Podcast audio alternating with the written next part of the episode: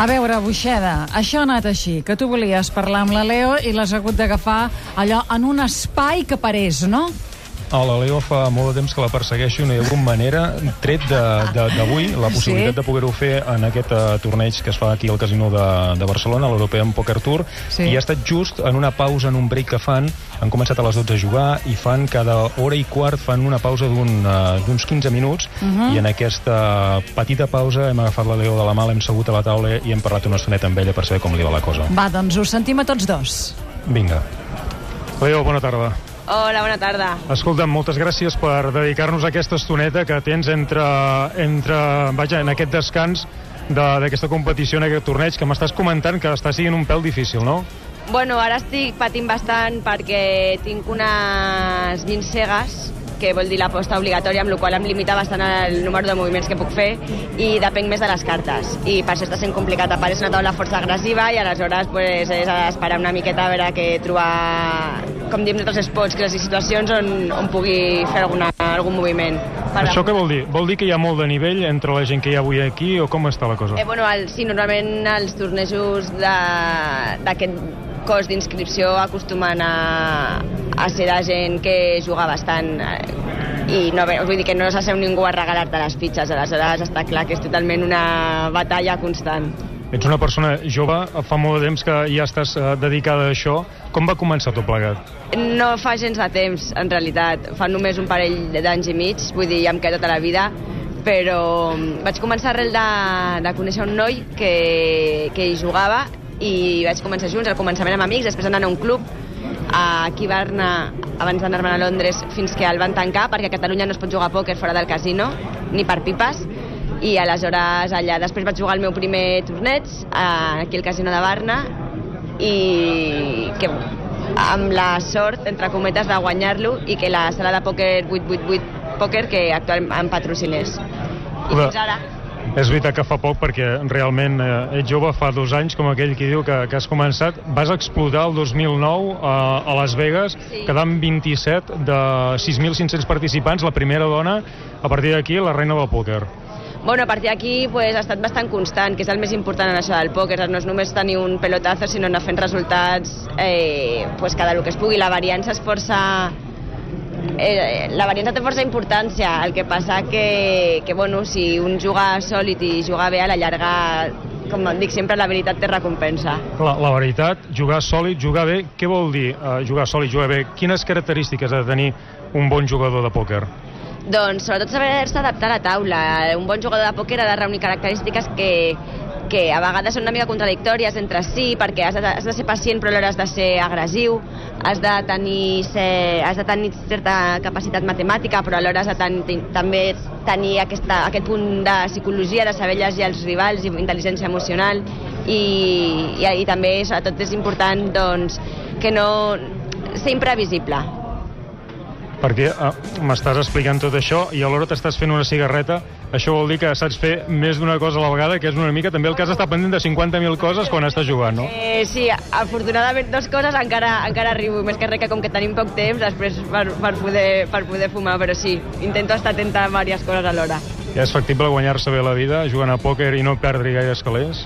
A veure, per mi, evidentment, és molt més fàcil en el sentit que jugo tornejos eh, patrocinada, amb la qual em paga la, la sala de pòquer on que em patrocina 888, em paga el, el cost d'inscripció. De totes maneres, on, està, on la gent es guanya la vida és a online, jugant per internet. Jo sobretot jugo online, sobretot mm, perquè és pràctica i perquè la variança es redueix moltíssim al jugar amb moltes més mans. Molt bé, s'acabarà aquest torneig i a partir d'ara què, què tens previst? Perquè viatges molt. Tornaré a Londres fins la setmana que ve, que torno a baixar a Barna perquè hi ha un altre torneig, el dia 2 també en aquest casino. Passes, què, dos, tres tornejos al mes? Sí, aproximadament una mitjana de dos tornejos al mes, menys a l'època de Vegas, que jugo un, pràcticament cada dia, i quan m'eliminen m'empunto a un altre. Per desitjar-vos sort, digueu alguna cosa especial, com molta merda o no? Molta sort està bé. Està bé. Sí. Escolta, doncs molta sort i moltes gràcies per aquests 3-4 minutets entre partida i partida. Eh, també perquè no donava més de ser al break i així també no vull estar, o sigui, em relaxo una miqueta a fora. Gràcies, Leo, sort. Ciao. Aquesta era la conversa que manteníem amb la Leo Margets, que ha tingut la deferència sí. de sortir i d'estar amb nosaltres, i estava prou riallera perquè quan hem entrat ens han comentat que no li anaven molt bé les coses uh -huh. i esperaven que estigués una mica com més a, a la contra, però al contrari, ens ha, ens ha, ens ha atès perfectament ja ho havíem pactat i...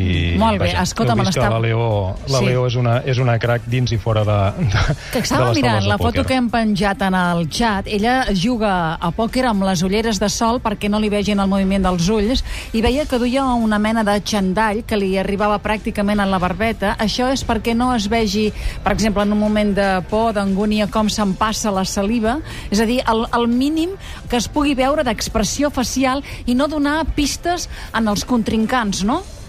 Això és una tècnica que tenen els jugadors, sobretot els amateurs, els professionals ja, ja no ho tenen tant, però sí que intenten dissimular qualsevol eh, tic eh, físic que pugui denotar mm, que pugui donar pistes a, a la Clar. resta de contrincants. Ja, ja, ja, ja, ja. Molt bé, ets aquí ara amb, amb la Laura i en Manolo? Francesc? Doncs sí, la Laura i en Manolo són parella. La Laura és comercial de formatges i en Manolo és guàrdia urbà de Castelldefels. Què dius ara? I de tot just fa un any que es van aficionar al sí. pòquer Això són de manera cartes? amateur. Esteu sentint les cartes? Aquí les hem posades, eh, de fons ara, eh? Sí. Molt bé. Ens senten la Laura i en Manolo, Francesc? Sí? Laura, sí, Manolo, sí, sí. què tal? Com esteu? Hola, bona tarda.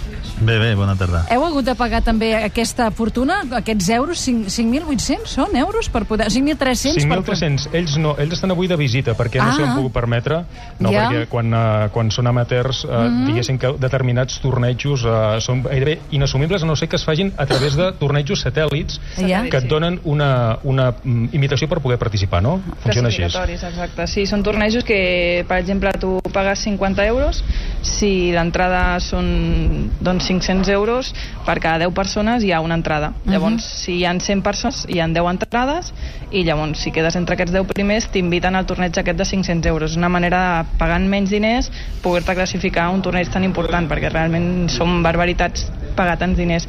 I nosaltres, eh, com a amateurs que som, com a molt fem això, pagar 50 euros per un classificatori, a partir d'aquí hem pogut jugar alguns tornejos grans, no tan gran com aquest, però sí de l'estil. Però a veure, Laura i Manolo, a banda de ser comercial de formatges, quins formatges ens recomanaries, Laura? Per cert, ara per Nadal, què et sembla? Jo la tetilla gallega. Molt bé.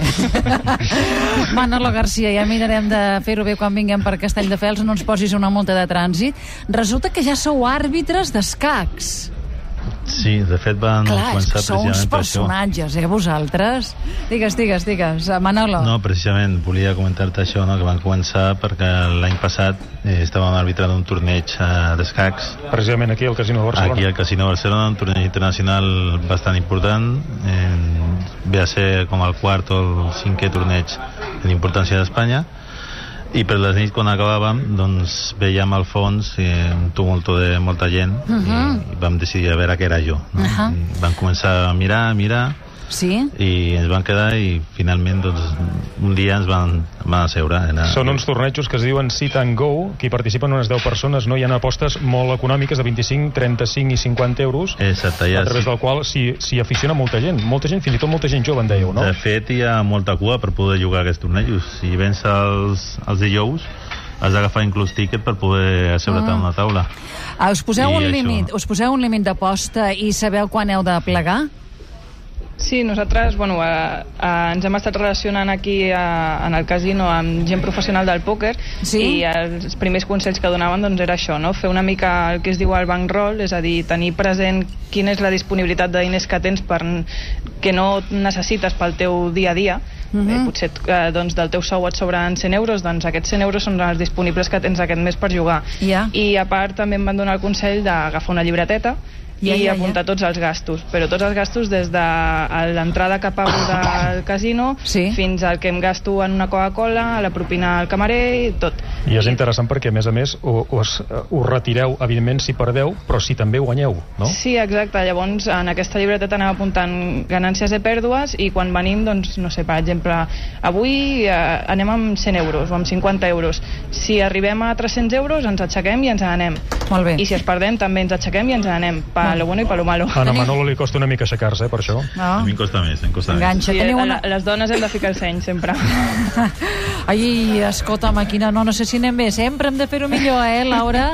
Hi ha, hi ha, per cert, això, dones i homes, hi ha algun tipus de dificultat per ser dona i jugar, no? Perquè abans hem vist que la Leo és aquí la reina del pòquer, eh? O no, Laura, què diries? I la Laura és la, deu ser la reina Sí. dels amateurs, també, perquè no n'hi ha. No, és que sí, és que hi Hi ha, ha poques molt, dones. molt, molt poques dones i a més eh, sí que me n'he donat, sobretot al principi, que, que les dones tenen una mica eh, d'etiquetes, no? De que sempre juguen d'una manera o d'una altra i és una cosa que jo com a mínim he aprofitat. Ah, què diuen de les perquè- dones que juguen com? Que arrisquen poc, potser?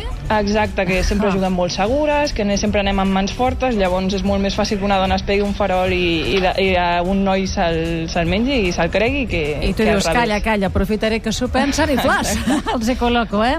Laura i Exacte. Manolo, gràcies de debò, Francesc Buixeda, Xavi Vall, Meritxell Hernández, gràcies per aquesta connexió ara en directe des del Casino de Barcelona.